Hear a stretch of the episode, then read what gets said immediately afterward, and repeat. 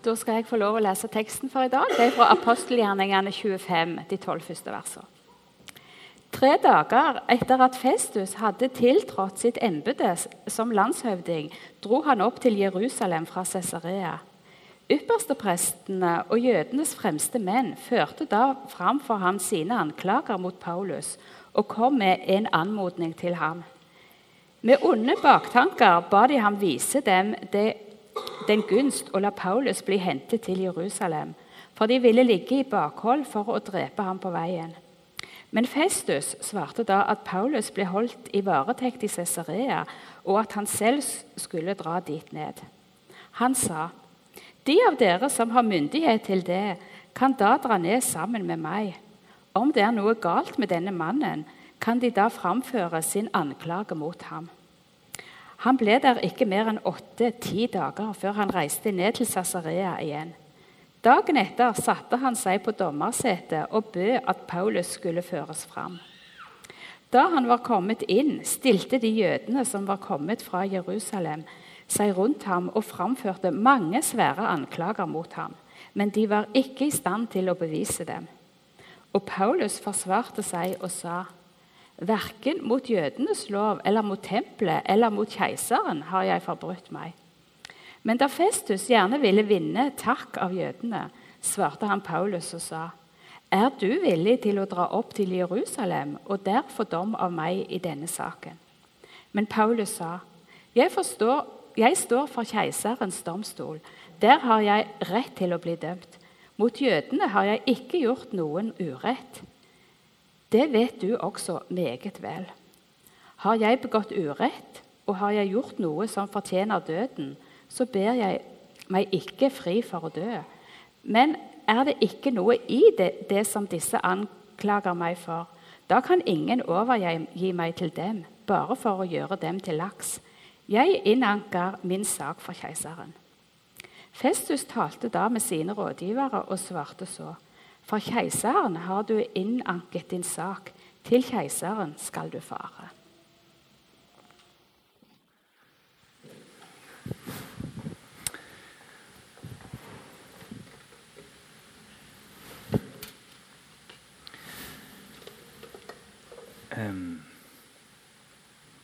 Nåde være med dere og fred fra Gud, vår Far, og Herren Jesus Kristus. Sånn begynner Paulus i neste bok vi skal gå gjennom. Romerbrevet i første kapittelet. For en hilsen og for en måte å starte på. Det sier vi òg til hverandre. Nåde være med dere. Vi møtes jo ikke her av annen grunn enn at Gud har vist oss nåde. Gjør vi det? Og Derfor så sier vi det til hverandre at Guds nåde er over den som er Jesus Kristus. Og så eh, er altså romerbrevet det brevet vi skal gå gjennom til høsten. Og jeg vil bare anbefale folk å begynne å lese så mye de kan nå. For det er så viktig. I går var det en som eh, ringte meg, en kamerat av meg. Håper han er enig i det. Så ringte han, og så ble jeg litt mistenksom, for han spurte om vi skulle sykle eller jogge. For nivået på han og nivået på meg er litt uh, differensiert. Og han over meg. Og jeg er enda litt sånn, jeg har litt uggen smak av hele det der spørsmålet. For jeg har en mistanke om at han egentlig syns at helsa mi ikke er bedre enn hun absolutt må være. Så han inviterte meg ut til å jogge. Jeg trodde vi skulle rundt Loen, men vi skulle springe den der idiotiske pølsemila. Så eh, er helt ødelagt. Men på den turen der så snakket vi, så lenge jeg klarte, om masse fint. Og Han som inviterte meg, han hadde selv i gruppa lest apostelgjerningene, disse kapitlene som vi er inne i nå, fra 22 og utover. Og Derfor så fikk vi en kjempe sånn fruktbar samtale, og jeg òg fikk masse sånn sperring og nytte til denne dagen i dag. Sant? Så det er utrolig viktig med fysisk omsorg. For noen dager siden før det igjen så ringte det en type omsorg som jeg ikke kan huske noen noen gang i livet har utvist mot meg. Det var en samtale som gikk litt fram og tilbake. og Så sier denne personen Aslak, leser du i Bibelen? Er ikke det flott å ha så gode venner som er så lite feige og spiller så lite skuespill at en går rett på sak og tar for ingenting for selvfølge at Aslak lever av å lese i Bibelen? For fokus lir hvis Aslak og Odd Henning og Hege og alle som stiller seg fram, ikke leser. For den som ikke leser, lever et kraftløst liv, sier denne personen til meg. Og så la han på. Så satt jeg der. Leser du i Bibelen? Det er helt avgjørende. Ellers så leser, lever vi et kraftløst liv. Så fikk jeg sitte på hytta tidlig en morgen. Så fikk jeg lest apostelgjerningene fra begynnelse til slutt. Og så kjenner jeg hvordan Guds rike vokser fram. Ikke fra meg, men oventil og ned. Ikke er det flott? Guds ord har en enorm kraft, og den har aller mest kraft for de som tror. For det er nok av de som snubler på Guds ord og ikke tar imot. Så eh, skal vi altså til med romerbrevet til høsten. Og skal du få noe ut av det, så er det så viktig at vi leser. Sånn at når du kommer hertil, så sitter du ikke først og fremst og triller terning av hva du syns du møter, men du er sulten på om Gud kan gi deg noe mer, og noe høyere, og noe dypere og noe bredere inn i Guds rike. Herre Jesus, takk for dagen i dag. Jeg òg vil være med og prise. For du er konge, og du lever, og pinsen, den ga oss liv. Den åpenbarte. Den viste oss at du, Jesus, du er den ene sanne, store kongen.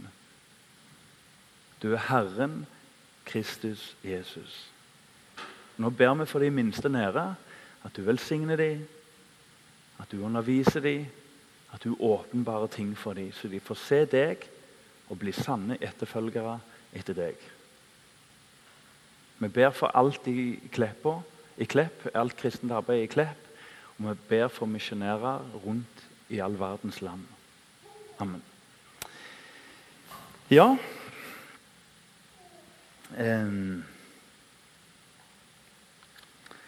Jeg snakket òg med en kar som fikk oppleve på Jørpeland at ca. 50 mennesker blir frelst. Dette har jeg fortalt før. Ca. 50 mennesker for bare noen få år siden. Og Så kan vi merke oss det spørsmålet og svaret. Jeg stilte han spørsmålet Hva kjennetegner de som fortsatt er kristne? Og så kom det veldig kontant. De som leste seg til frelse, og som fortsatt leser Guds ord, er mer eller mindre frelste alle. De som ikke gjorde det, men hang med på lasset, er mer eller mindre borte. Og Det er ikke først og fremst alvorlig, men det er først og fremst en stor glede å tenke over hvor mektig Guds ord er. Og hvor avgjørende det er. Derfor ønsker Fokus at arbeidet skal være bygd på det Lukas så, de fire b-ene.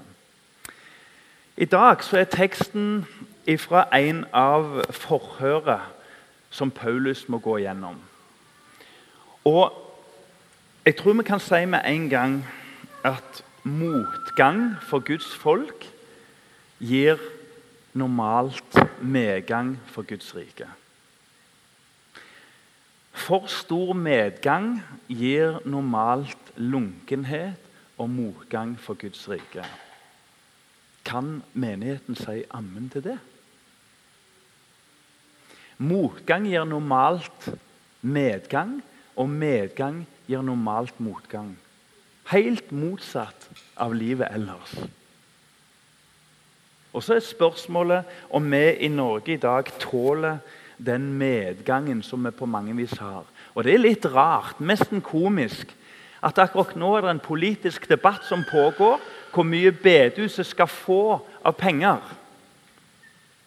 I andre land handler det om du skal få leve hvis du tror på Jesus Kristus. Ser du kontrasten? Jeg sier ikke den uvesentlige debatten som pågår nå, men det sier litt om situasjonen. I kapittel 28, vers 2, så sier Paulus noe med en gang. Han trekker en liten sånn konklusjon. Apostelgjerningen 28 og vers, eh, eh, kapittel 28, vers 22.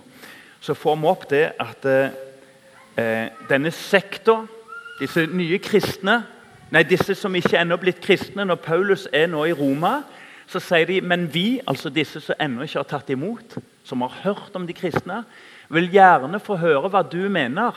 Hør, for vi kjenner til at denne sekt Vi er liksom ei sekt hvordan vi snur og vender på det sett utenfra. Vi blir fort det. Denne sekt overalt møter motsigelse. Så Det vanlige for de første kristne det var motsigelse, det var forhør, tortur og motgang. På et nivå du og jeg ikke knapt kan tenke oss. Ehm, I Kina i dag så skjer det noe veldig rart. fordi at det, det er vel røftlig 80 år siden kulturrevolusjonen som systematisk eh, henretta og renska ut kristne, bl.a. Nå sies det at eh, forfølgelsen er på det hardeste på 80 år i Kina. Men det er så rart,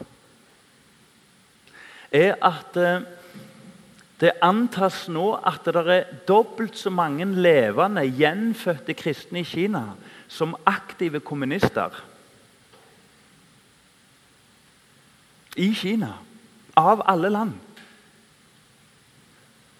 Dobbelt så mange. Det gir håp, og det gir mot. Og Da må vi spørre oss hva er det som er aller viktigste for oss i oppdragelsen av unger? Og Du kan begynne i en ende og holde på til du stuper. Men er det om å gjøre å skape minste motstands vei i alle ting? Får vi det vi håper på når mamma og pappa jager minste motstands vei for ungene i alle ting? Hva får vi? Um, la oss lage et lite sammendrag av Paulus nå. For Vi nærmer oss slutten av apostelgjerningene. og Prøv å henge med. I kapittel 1 og utover så møter vi først og fremst Peter. og Vi møter pinsen med kraft, og med tegn og under, med ildtunger og folk som undrer seg over at de forstår hverandre som et dypere tegn på nettopp å se inn og forstå og oppdage Guds rike. Og se Jesus Kristus og Han korsfesta. Åndens dypeste hensikt. Peter er liksom i sentrum av alt. Forfølgelsene tar jo til med en gang. Stefanus er den første. Han som roper 'tilgir dem', for de vet ikke hva de gjør. Etter hvert så Kort sagt i kapittel 9 så er Paulus med på dette. Det står jo at han holdt kappene når de steinte. Det betyr i bunn og grunn at han er mer eller mindre hjernen bak hele greiene. Han holdt kappene, står det, og samtykte i steininga. Og så skjer det noe rart her. Og Det er at eh, Paulus får et møte med Jesus som var ganske brutalt. Og takk og lov at han fikk møte Jesus, for det var jo en, en premiss for at han skulle kunne bli godkjent apostel. Han møtte Jesus personlig. Hvorfor forfølger du meg? sier Jesus til ham. I Damaskus så blir han omvendt. Han døpes, og han blir kalt til apostel. Og Det går ikke lang tid før Paulus sier ikke helt det samme som Peter. Han sier at 'jeg setter min ære i å forkynne til de som aldri har hørt før'. Det var liksom Paulus. Det var ikke sånn 'vi ser hva som skjer'. Det var 'jeg vil der folk aldri har hørt før'. Mens Peter han fikk et litt annet kall, selv om han fikk beskjed en dag av å gå til Kornelius, og Gud sier ganske brutalt til ham det jeg sier er rent, skal ikke du kalle ureint. Nå går du til Kornelius. Men det var avviket holdt jeg på å si, i, i Peters liv. Hans kall var først og fremst å gå til jødene.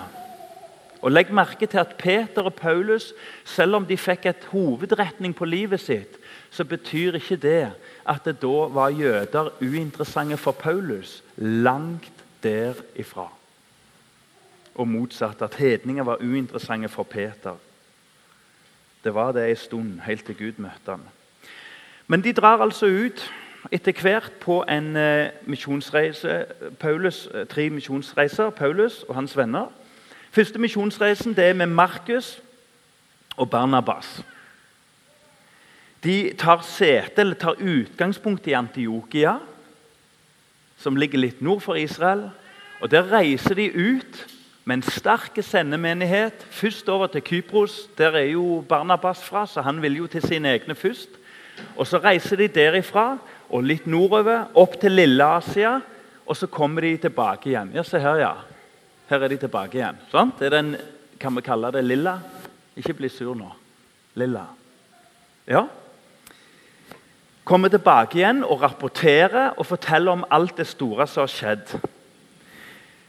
Eh, den andre misjonsreisen da er det altså splittelse Nei, det vil si det er ikke splittelse, det er strid. Og Strid og splittelse er to vidt forskjellige ting. Ingen dauer av, av, av, av, strid. Ingen dauer av at vi krangler litt.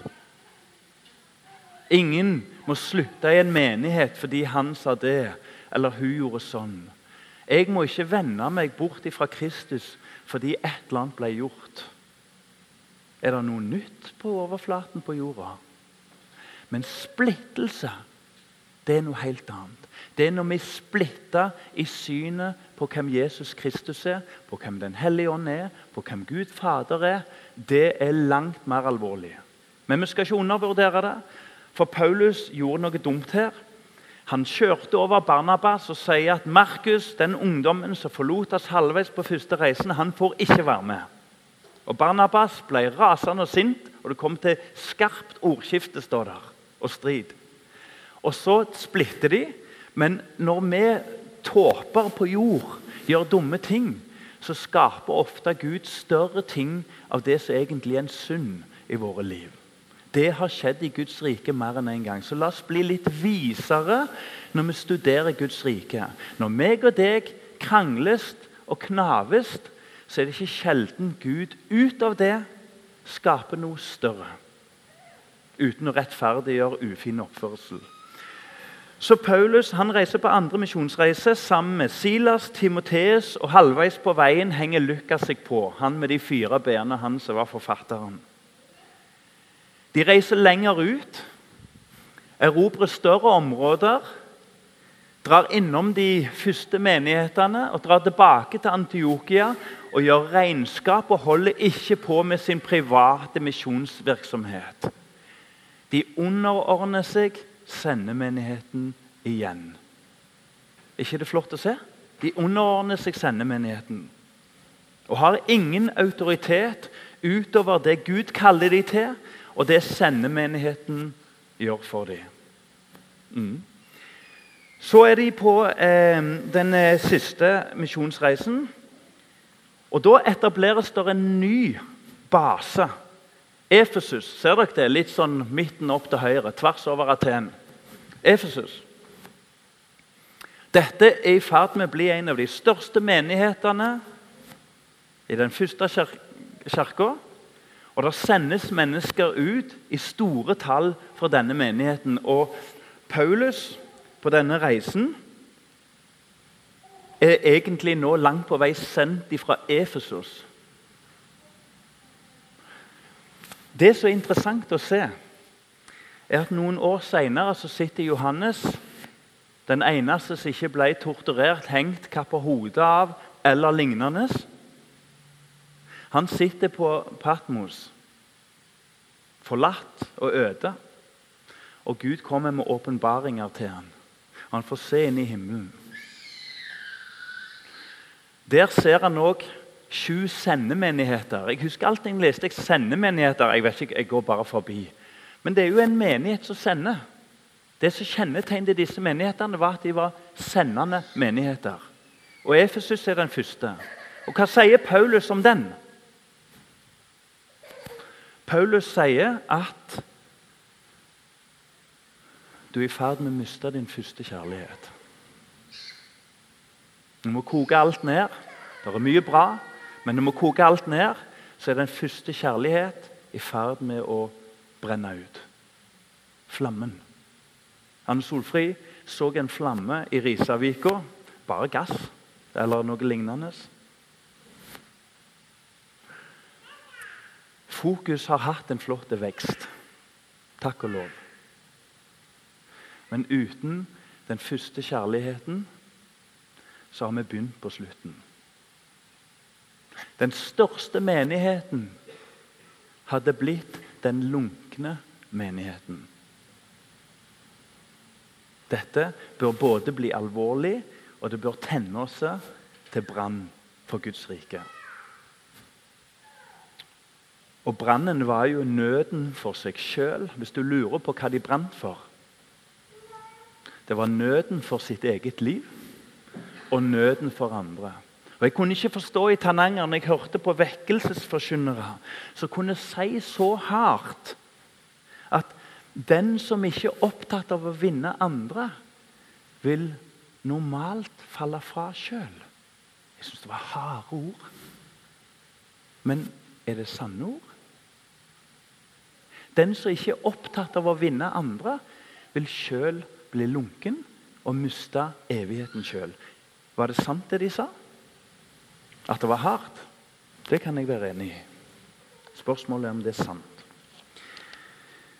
Paulus, når han dro på disse misjonsreisene sine, så hadde han en strategi, en plan. Det var ikke på måfå. Det var nøye planlagt sammen med andre. Samtidig som han hadde en plan, så var han ikke fremmede for å bli ledet av Gud. Det var derfor han endte i Europa. Han var jo på vei til Asia. Og han endte i Europa, ble ledet og måtte legge om planene. En annen ting som kjennetegner, er at han samarbeider med flere. Det er usunt å bable på alene i Guds rike. Det er usunt. Paulus gjorde i hvert fall ikke det. Han eh, besøkte først synagogene. Og Det er det mange grunner til. Litt av det var at han skulle forkynne for jøder, først så for greker.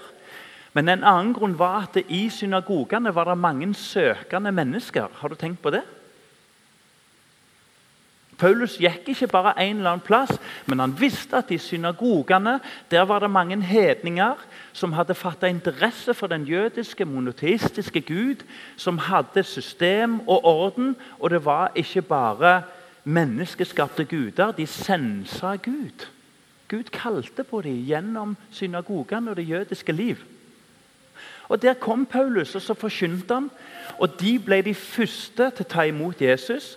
Og de ble et, en sprengkraft og et nettverk som bredde seg utover. Paulus oppsøkte søkende mennesker den gang i synagogen. I tillegg så starta han i byer. Det var liksom ikke én eller annen plassen, men han oppsøkte byer, for han visste at skal Guds rike komme til verdens ende, så må vi vinne sentrum. Og det gjorde de. Efesus var jo et veldig sentrum. Det begynner å stramme seg til, for Paulus han, eh, han eh, har jo noen gode venner. Og en god bror, om ikke direkte venn, i hvert fall en bror, han kommer langt ifra. og Så drar han ned til eh, Cesarea, der Paulus er rett før disse forhørene. Han heter Agabus. Og Han sier veldig klart at den, så sier Den hellige ånd Da er det liksom ingen vei utenom. Så sier Den hellige ånd at hvis Paulus drar opp eh, Ikke hva han gjør, men i Jerusalem så skal de troende de skal bindes på hendene og på føttene, og de skal overgis til hedningene. Det var en profeti. Og han fikk veldig rett.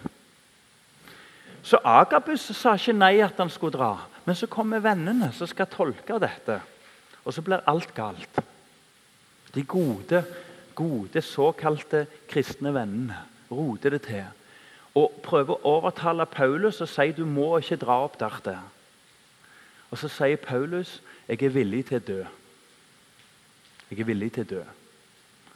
Her står vi og kaver med et enkelt bygg. Og Så ligger Aslak våken om natta for om vi får til det bygget. Er det rett eller ei? Det blir veldig fattig opp mot Paulus, som sier jeg er her. Jeg hører hva dere sier. Den hellige ånd har talt så, men det er jo dette jeg skal inn i. Det er jo dette jeg er kalt til.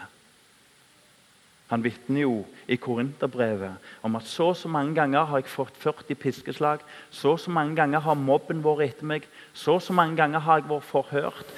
Jeg har mangla mat, jeg har mangla ditt, men jeg har alt. Jeg har alt. For for Paulus så var dette livet et øyeblikk. Evigheten var den store virkeligheten. Ikke dra, sier vennene, men Paulus han drar. Og så gjør han som han får beskjed om, for der oppe har Gud en plan. Og den som søker ikke bare minste motstands vei, søker ofte inn i Guds plan.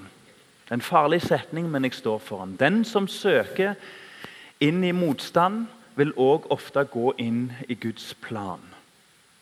For Paulus han kommer opp, og der har Guds, Gud en veldig konkret plan. Der kommer det en bror til han, og så sier Paulus det er ikke rett at du er her uten å rense deg i tempelet. Du er jo sann jøde. Og Paulus må jo stå for det. At han har valgt det. Er du jøde, så er du jøde. Det er noe Paulus råder de andre til. at Hvis du omskjærer deg også til å bli jøde, så må du følge det helt og fullt. Så det var ingen vei. Paulus han måtte inn i tempelet. Og det var løvens hule. Der blir folket, det jødiske folk rasende på ham. Mobben kan vi gjerne kalle det. Det er et stykke fra å bli mobba, selv om det kan drive til grunne. Det er et stykke fra å bli mobba til å bli utsatt fra mobb. Det er helt spesielt. Det står at de ble så sinte at de kasta av seg Se for deg voksne mannfolk. Kasta av seg kappene. Og så står det at de hiver støvet i lufta. Skulle tro de var gått helt av skaftet. Så sinte var de på Paulus. De skal drepe ham. Og I denne situasjonen her så blir Paulus dreven fra skanse til skanse. Han, opp, han, han, han blir dreven inn i fem forhør, så langt det kan se. i hvert fall. Det første forhøret fra kapittel 22 utover. første forhøret er folket. Et rasende folk. Det neste med en høvedsmann som prøver å roe det ned, som igjen går til sin overhøvedsmann, som igjen oppdager det ene etter det andre. Så drives Paulus inn til et nytt forhør foran jødenes høye råd, den religiøse ledelsen. Så drives han videre inn til den korrupte Felix, en feiging som til og med romerne ikke vil ha, og de avsetter ham. Så drives han videre inn til en litt mindre korrupt mann, men som òg tekkes folket som vi hørte i, i, i, og holder Paulus i fengsel, som heter Felix. Og ikke nok med det, men Felix har ved gudfeldighet besøk av kong Agrippa, han som er i slekt med Herodes, kongeadelen, den mektigste av de mektige der nede. Og han sier at 'jeg vil òg høre på Paulus'. Han tar med seg kona, og de møter opp i den veldigste prakt du kan tenke deg. Bare se for deg det scenarioet. Så Paulus, gjennom motstands vei, får muligheten til å vitne for sentrum i det romerske riket i utkanten. Det er fantastisk. Det er noen ting som går igjen når Paulus forsvare seg. Legg merke til det hvis du akkurat nå står i en vitnesituasjon for et medmenneske. Og Hvis ikke, så må du be om å få gjøre det. Og Jeg kunne nevnt mye annet. Kjærligheten, brannen, må jo alltid være der. Men jeg nevner disse tingene. For det første Paulus starter med å anerkjenne, dvs. Si ikke anerkjenne, men bygge bro til kulturen han lever i. Bare legg merke til hvordan han anerkjenner lederne. Han bøyer seg for dem. Legg merke til når en ypperste presten sier 'slå han på munnen', står der. Så blir Paulus litt sint, og så sier han 'Gud skal slå deg på munnen'. Og så sier du, setter du deg opp mot ypperste presten. Og når Paulus oppdager det, så sier Paulus du skal ikke sette deg opp mot lederen din. Så jeg tenkt på hvorfor gjør du det, Paulus?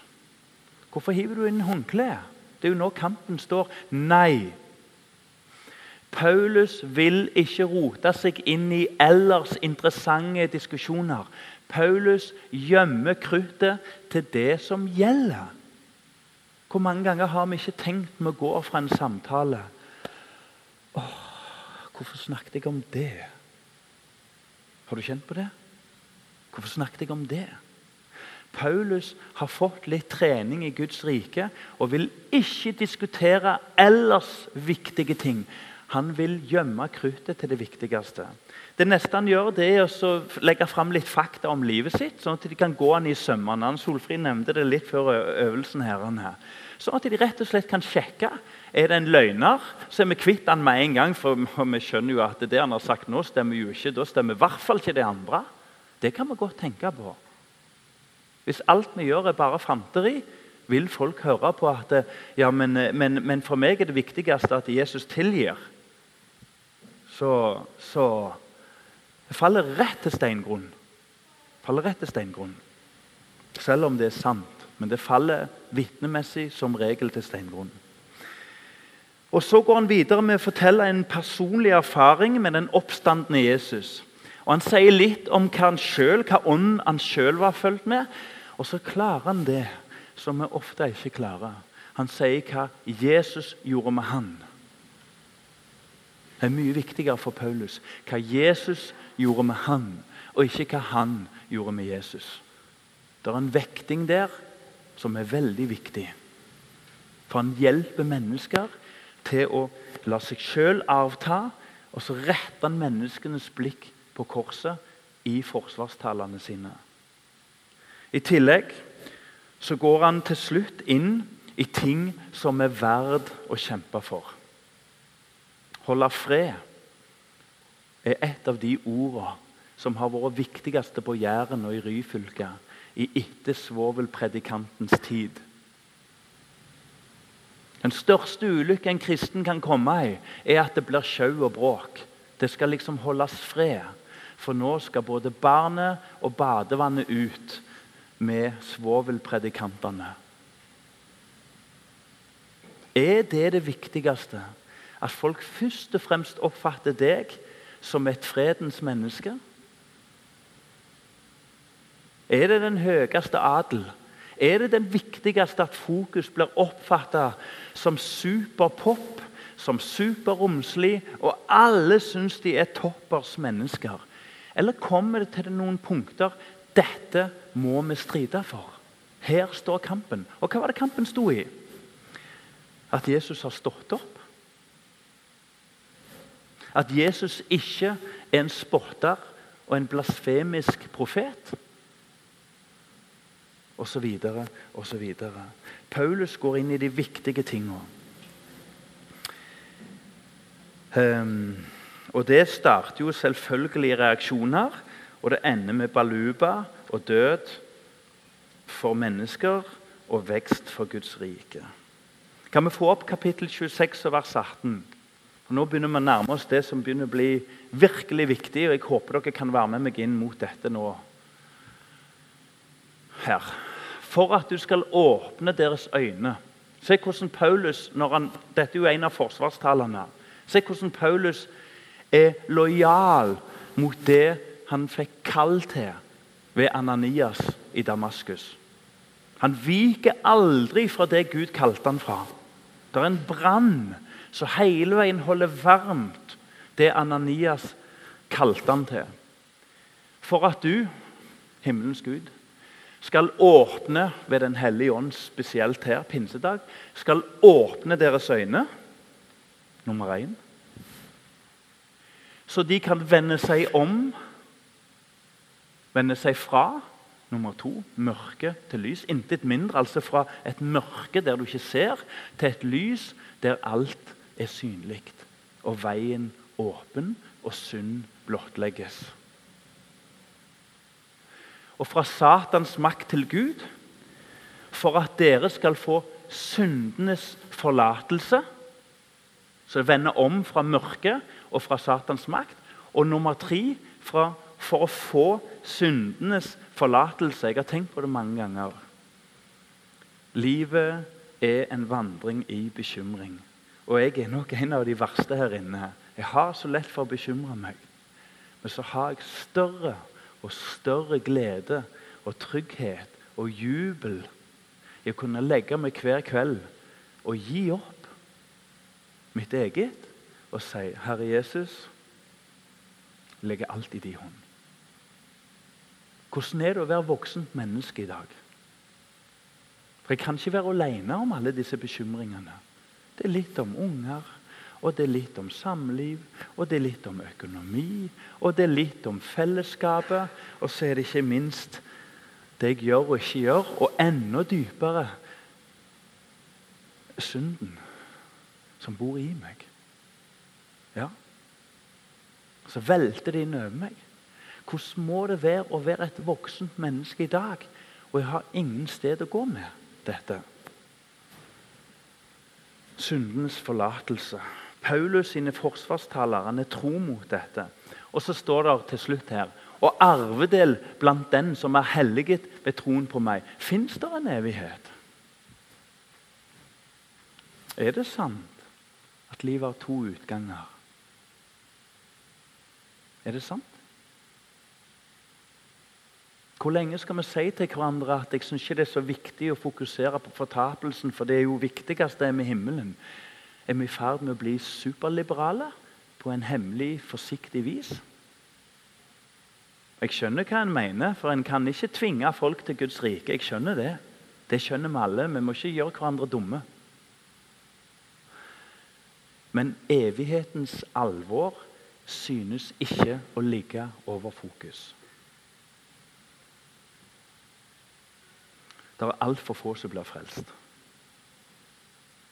Så kan en si Kan du si Aslak, at evighetens alvor ikke ligger over fokus, for vi ser ikke at nok mennesker blir frelst. Ja, det er Gud som frelser. Men det er altfor lite som tyder på at vi jobber og ber på den saken. Vi må se flere bli frelst. Og det er da vi nærmer oss det som er så viktig. Fordi Paulus han reiser altså på tre misjonsreiser. Han slipper fri disse her. En gang pga. en romersk borgerskap som han argumenterer seg mot. Og Han blir jo så lang i nesen, han der høvedsmannen som sier 'jeg kjøpte min', og så sier Paulus 'jeg ble født til min'. sant? Det er jo arrogant. vet du. 'Jeg ble født til min'. Ja. Og så slapp han unna. De ble livredde, for de hadde, var i ferd med å torturere en romersk borger. Og så en gang så slipper han unna fordi det var en slektning som advarer og sier du, det er 40 menn som har, som har forbanna seg på at vi skal drepe Paulus før vi har spist og drukket noen ting som helst. Og de la seg i et bakhold. Og Da går jo, jeg tror det var Felix som stiller opp 400, nei, 200 soldater og sender ned til Cesarea. Så gikk det i vasken. En gang så står han foran uh, rådet, og så, og så, vil de dømme han, og tenker de nå har man. Nå er Paulus sin siste time kommet. Og så sier Paulus dødes oppstandelse. Bang, sier det. Og så fyker sadukere og fariseere i ei mølje. Det står 'hele hopen delte seg'. står der. Spennende. Og Det som skjer, er at han går ifra det ene og den andre, smyger seg ut. Og til slutt så kommer det viktigste. Han anker fra, til keiseren. Har du tenkt på det? Hvorfor gjør du det? For Agrippa sier ja, men Paulus, du er nær ved å omvende meg. Og Hvis du ikke hadde anka inn til keiseren, så kunne du gått fri nå. Men Paulus er ikke opptatt av å være fri jordisk. Paulus er opptatt av å være bonden til Guds oppdrag. Så Paulus han blir sendt av gårde, først via Malta. Store ting skjer der.